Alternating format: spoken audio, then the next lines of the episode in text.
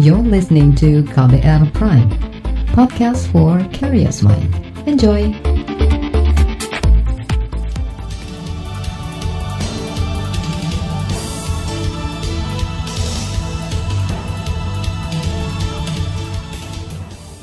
Kembali kami menyapa Anda pagi hari ini dengan sejumlah informasi pilihan di Buletin Pagi, edisi Kamis 25 Juni 2020. Bersama saya Eka Juli.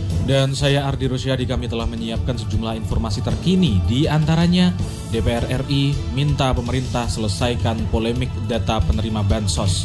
Pemerintah kembangkan aplikasi pantau sebaran COVID-19. Hampir 100 pengungsi Rohingya terdampar di Aceh.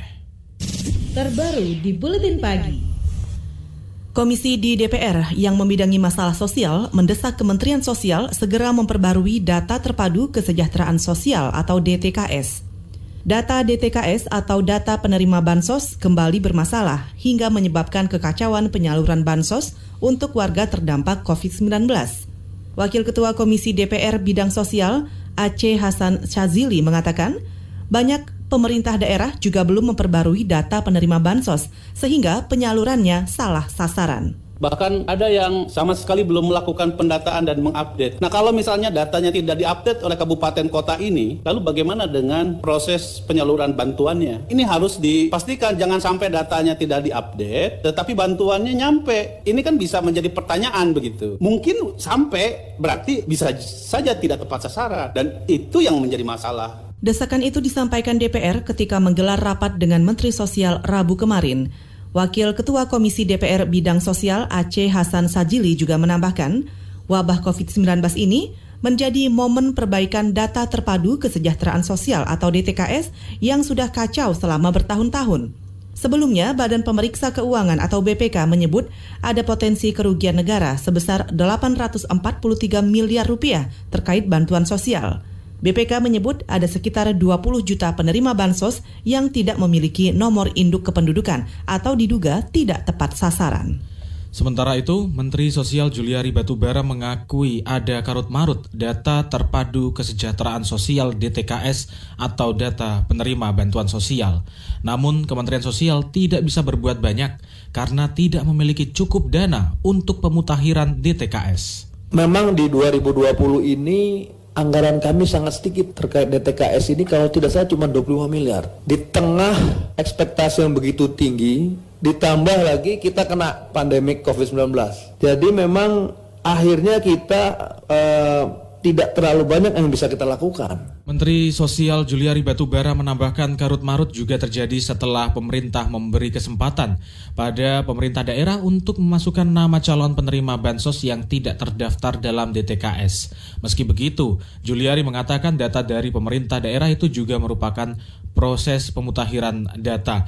Juliari juga menyebut wabah COVID-19 membuat angka kemiskinan meningkat sehingga terjadi perubahan data. Kesemrautan data penerima bantuan sosial atau bansos antara lain terjadi di kota Depok, Jawa Barat. Kepala Dinas Sosial Kota Depok, Usman Haliana, mengatakan ada data ganda yang menyebabkan penyaluran bansos di lapangan salah sasaran. Meski begitu, Usman mengklaim saat ini pendataan penerima bansos reguler maupun non-reguler di kota Depok telah dibenahi. Ya, setelah diverifikasi oleh kami di Dinsos Depok, ada juga mereka yang double, double usulan gitu kan, double usulan. Dianya double dengan PKH, double dengan uh, apa penerima DTKS, kemudian double juga dan sebagainya lah macam-macam gitu ya maka terhimpunlah ya 85 ribuan nah, itu secara bertahap kami uh, input ke provinsi untuk dilakukan pengecekan verifikasi ulang oleh tingkat provinsi. Kepala Dinas Sosial Kota Depok Usman Haliana juga menambahkan verifikasi hingga validasi data penerima bansos dari Kementerian Sosial terus dimutakhirkan dan diperbarui agar bisa sampai di tangan masyarakat yang tepat. Usman mengklaim pembaruan data bisa mempercepat penyaluran bansos ke masyarakat. Sementara itu, Lembaga Pemantau Kebijakan Pemerintah Ombudsman RI menerima 700-an pengaduan terkait penyaluran bantuan sosial. Sebagian besar Pengaduan itu terkait data penerima paket sembako dan program keluarga harapan PKH yang bermasalah. Anggota Ombudsman RI Ahmad Suadi mengatakan, Ombudsman RI telah menerima aduan tersebut ke Kementerian Sosial agar ditindaklanjuti. Jadi kita setiap 15 hari, jadi setiap minggu itu kita kalkulasi, kemudian kita sampaikan, biasanya 15 hari berikutnya kita monitoring. Itu jauh ini yang kita terima, itu kita kan tidak bisa ngecek orang per orang ya, karena ini sifatnya darurat, tidak tidak mungkin ke lapangan. Jadi kita ngecek ke Kemensos, dan kalau bisa kita ngecek ke pelapor. Dan yang ngecek pelapor itu biasanya perwakilan. Ada beberapa yang secara umum itu ditindaklanjuti, tetapi ada beberapa yang masalah. Anggota Ombudsman RI Ahmad Suadi menyarankan agar petugas di tingkat RT dan RW aktif mendata dan memperbarui daftar peserta yang layak menerima bantuan sosial dari Kementerian Sosial. Ombudsman juga meminta pemerintah menyosialisasikan prosedur persyaratan penerima bansos agar masyarakat mengerti.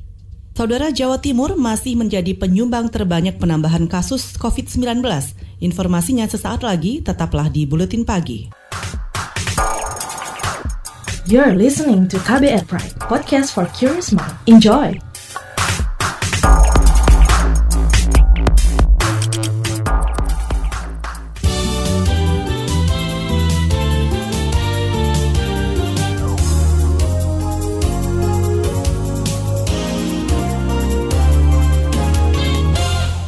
Saudara pemerintah mengklaim memiliki sistem untuk memantau pergerakan sebaran COVID-19 di Indonesia.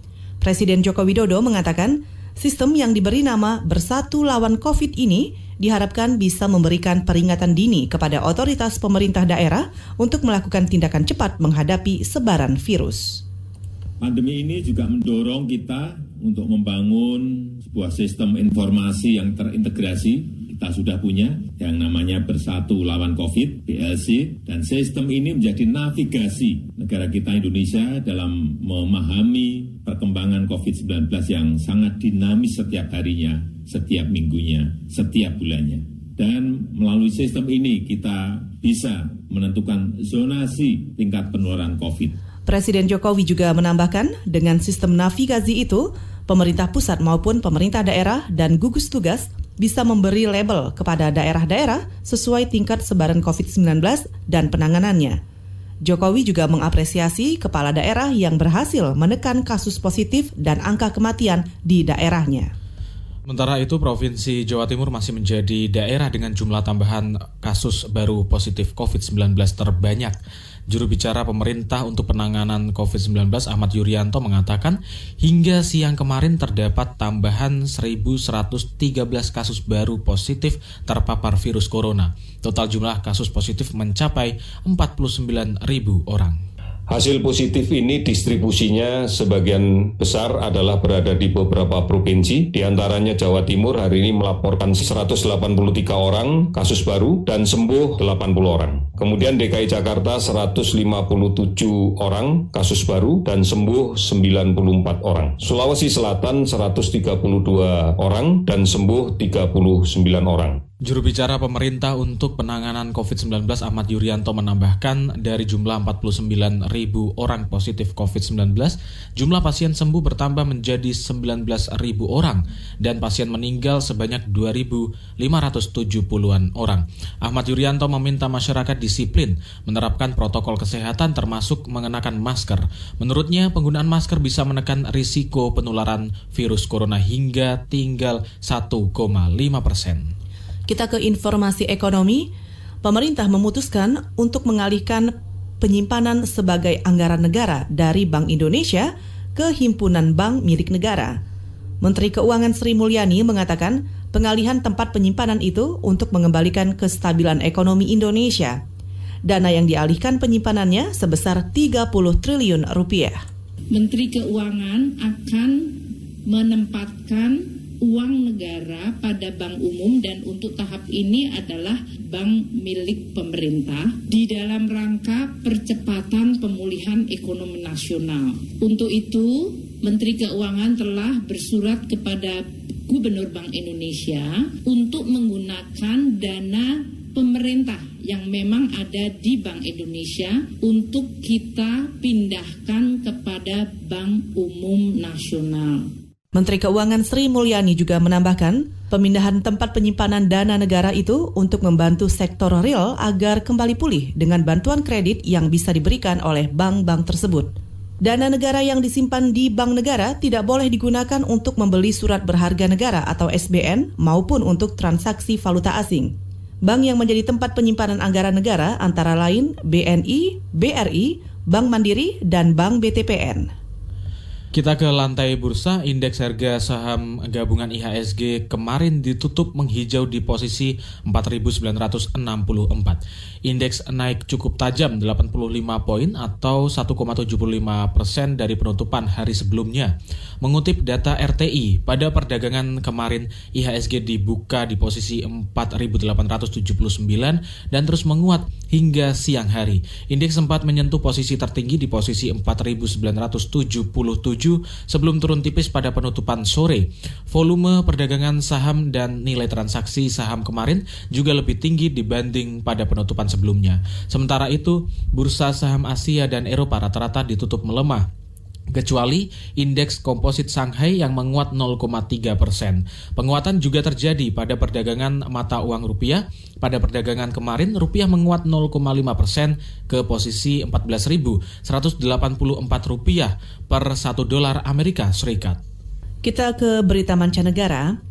Platform media sosial Twitter mengeluarkan peringatan kepada Presiden Amerika Serikat Donald Trump karena mengunggah cuitan di Twitter dengan nada ancaman. Sebelumnya, Donald Trump mengancam mengerahkan pasukan untuk menghadapi demonstran anti-rasisme yang berkonvoi di Washington DC. Trump menyebut selama, i, selama ia menjadi presiden dan masa memaksakan masuk ke kawasan dekat Gedung Putih, maka ia akan mengerahkan pasukan yang lebih serius. Twitter menyebut tulisan Trump itu melanggar aturan yang melarang penggunaan ucapan kasar maupun nada ancaman di Twitter. Ini merupakan peringatan Twitter kedua setelah sebelumnya Twitter juga memperingatkan Trump karena kicauannya di Twitter bernada kekerasan. Sementara itu dari dunia olahraga, Real Madrid meraih kemenangan 2-0 dalam lanjutan La Liga Spanyol ketika menjamu Real Mallorca di Stadion Alfredo di Stefano dini hari tadi. Pertandingan antara keduanya berlangsung cukup terbuka. Kedua kesebelasan saling bertukar serangan dan menciptakan peluang untuk mencetak gol. Skor 2-0 menjadi hasil akhir yang cukup mengembalikan Madrid ke puncak klasemen menggeser Barcelona. Laporan khas KBR tentang derita berlipat penderita talasemia di masa pandemi kami hadirkan sesaat lagi, tetaplah di Buletin Pagi. You're listening to KBR Pride, podcast for curious mind. Enjoy!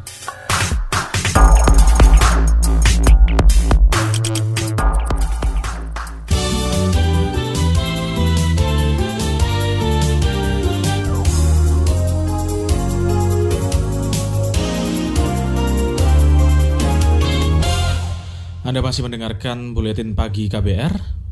Informasi selanjutnya penderita talasemia atau penyakit kelainan darah sangat terdampak masa pandemi COVID-19. Mereka menggantungkan hidupnya dari darah orang lain, sementara ketersediaan stok darah tak menentu akibat pembatasan sosial. Jurnalis KBR Valda Kustarini berbincang dengan salah satu penderita tal talasemia tentang perjuangannya bertahan di tengah pandemi. Simak kisahnya berikut ini. Transfusi kali ini ternyata butuh sampai 6 kantong. Pas periksa kemarin, HB ku ternyata rendah, hanya 6,7. Anissa Pratiwi lega. Proses transfusi darah di Rumah Sakit Cipto Mangunkusumo RSCM Jakarta hari ini berjalan lancar. Ia mendapat 6 kantong darah atau sekitar 1200 cc dari para pendonor. Setidaknya jumlah itu cukup untuk menopang hidupnya beberapa pekan ke depan. Anissa sudah 20 tahun lebih menderita talasemia penyakit kelainan sel darah merah akibat faktor genetik. Penyakit ini menyebabkan Anissa harus mendapat transfusi darah rutin, setidaknya tiga pekan sekali.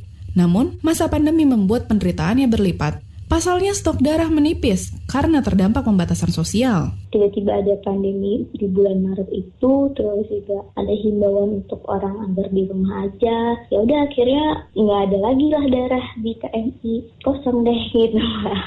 Biasanya, kekurangan stok darah terjadi pada Ramadan atau masa liburan sekolah. Hal itu bisa diantisipasi dengan kegiatan donor darah rutin yang diselenggarakan komunitas penderita talasemia. Namun, di masa wabah, kegiatan tersebut sulit dilakukan. Alhasil, Anissa harus pontang-panting mencari sendiri pendonor bergolongan darah AB nggak seperti hari biasanya. Jadi saya harus menghubungi orang-orang yang sekiranya mau, mau dan bisa dengar untuk saya. Kita nggak bisa pasrah sama keadaan di RS aja. Kalau misalnya RS bilang nggak ada darah, ya masa kita nggak transfusi gitu. Hmm. Jadi ada yang nungguin pendonor sukarela, ada yang memang ke sana sudah bawa pendonor.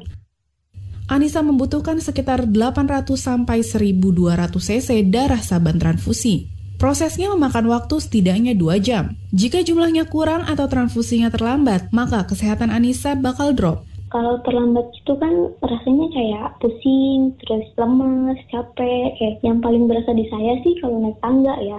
Kayak lemes banget, kayak abis lari dari ujung ke ujung gitu. Nafasnya terengah-engah kalau naik tangga itu. Uh, akhirnya ya itu kan karena darah kurang, kita nggak mungkin juga untuk untak pada jadwal yang tiga minggu takutnya malah roboh. Nah akhirnya dimajuin lah dua minggu Penderita talasemia termasuk kelompok rentan tertular virus corona karena harus bolak-balik ke rumah sakit untuk transfusi. Sadar akan hal itu, Anissa berupaya membentengi diri dengan memperkuat protokol kesehatan yang pertama sih siapin mental ya. Kalau ke rumah sakit kayak mau perang gitu. Saya harus siap luar dalam untuk rumah sakit terus hand sanitizer terus pakai jaket itu bener-bener yang di mobil itu dilap-lap lagi pakai disinfektan. Terus di rumah ya bener-bener mandi dari atas sampai bawah. Perempuan asli Bogor, Jawa Barat ini tak memungkiri beratnya hidup dengan penyakit bawaan di masa pandemi. Namun daya juang Anissa pantang redup karena teringat pada masa-masa sulit berkumul dengan talasemia sejak kecil. Kegiatan sekolahnya kala itu sering terganggu jadwal transfusi. Ia juga kerap diejek karena penyakit membuat bentuk badannya berbeda. Waktu sadar itu pas SD kayaknya. SD itu ya paling sadarnya kenapa aku bolos terus gitu. Setiap bulan tuh ada liburnya, terus nggak masuk kan ujian susulan kayak gitu sih. Dulu pas SD mikirannya ya cuma nanya kenapa terus sama orang tua jawabnya ya karena kakak butuh transfusi darah gitu. Terus kakak kalau mau, mau belajar mau main transfusi dulu yuk gitu. Sepemahaman aku tuh cuma gitu doang gitu. Anissa juga sempat difonis mengidap tuberkulosis atau TBC, penyebab penyakit paru selama setahun pada 2016 silam kalau misalnya 2015 atau 16 kata dokter saya kena TBC tapi di kelenjar ada kelenjar di di atas tulang selangka saya itu membesar terus setelah diperiksa ternyata itu akibat virus tuberkulosis itu. Nah di situ saya sudah agak drop gitu bahasanya jadi kayak ya Allah kenapa saya kena TBC lagi padahal udah ada thalassemia terus ada lagi gitu. Namun pada akhirnya Anissa sanggup bangkit untuk menjalani hidup. Pekerja swasta berusia 26 tahun ini mengaku beruntung karena mendapat dukungan penuh dari keluarga. Keluarga sendiri saya nggak pernah dibedain kak, kan saya anak pertama dari tiga bersaudara. Dari tiga anak ini kita nggak pernah dibedain uh, cara didiknya, cara saya juga full support dari orang tua saya mau ke mana mau ngapain cita saya apa itu dibalikin lagi ke saya gitu Anissa juga kerap berkomunikasi dengan sesama penderita talasemia mereka saling mendukung dan menguatkan agar mampu bertahan melewati masa pandemi kalau lagi capek, kalau lagi tugasnya lagi banyak, kalau lagi sedih, jadi saya lampiaskannya ke makanan atau ke kopi. Jadi saya suka jajan sendiri gitu. Biasanya juga healing saya itu dengan ketemu teman-teman anak kelas ini lagi gitu. Ketawa, terus bercanda, karena mereka nggak ada yang serius orangnya. Jadi kita ya kalau ketemu ngobrol serius, habis itu hmm, ngelawak lagi, ketawa lagi, itu. Demikian laporan khas KBR. Saya Valda Kustarini. Saudara selanjutnya kami hadirkan informasi dari daerah. Tetaplah di Buletin Pagi. You're listening to KBR Pride, podcast for curious mind. Enjoy!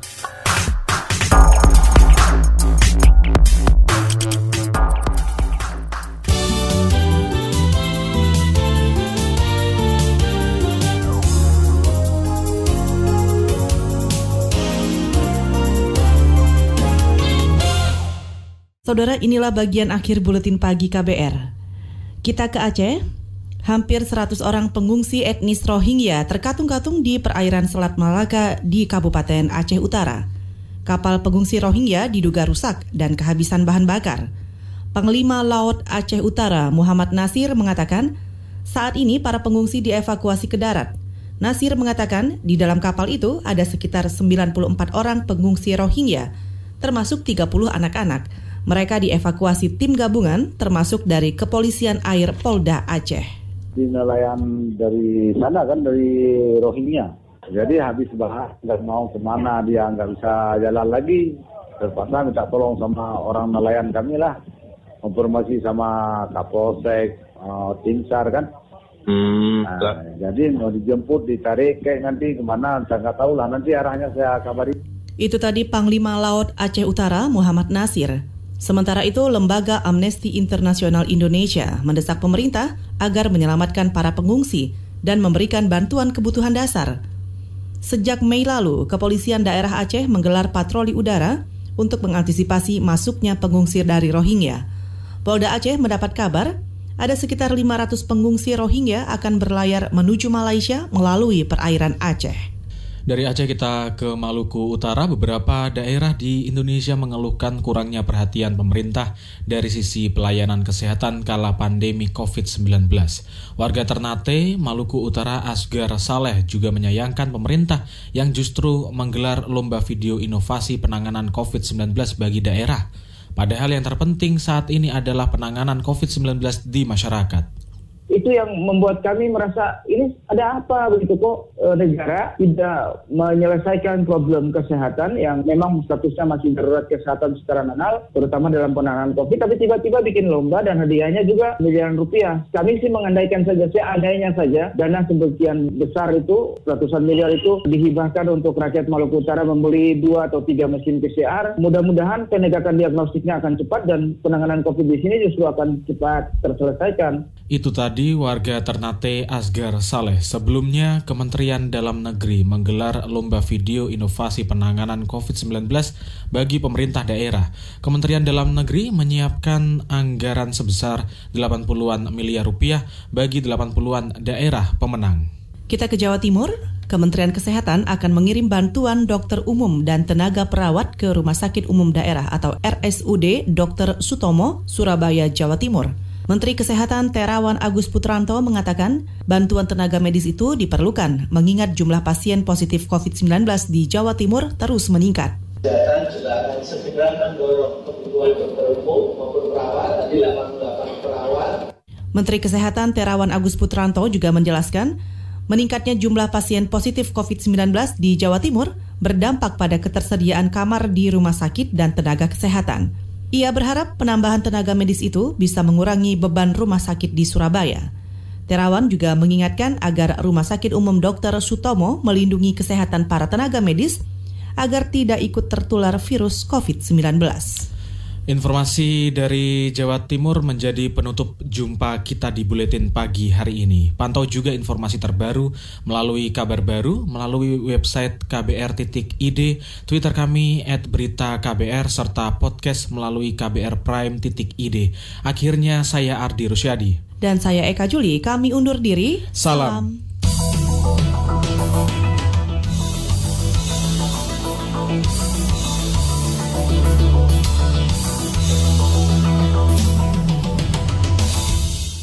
KBR Prime, cara asik mendengar berita.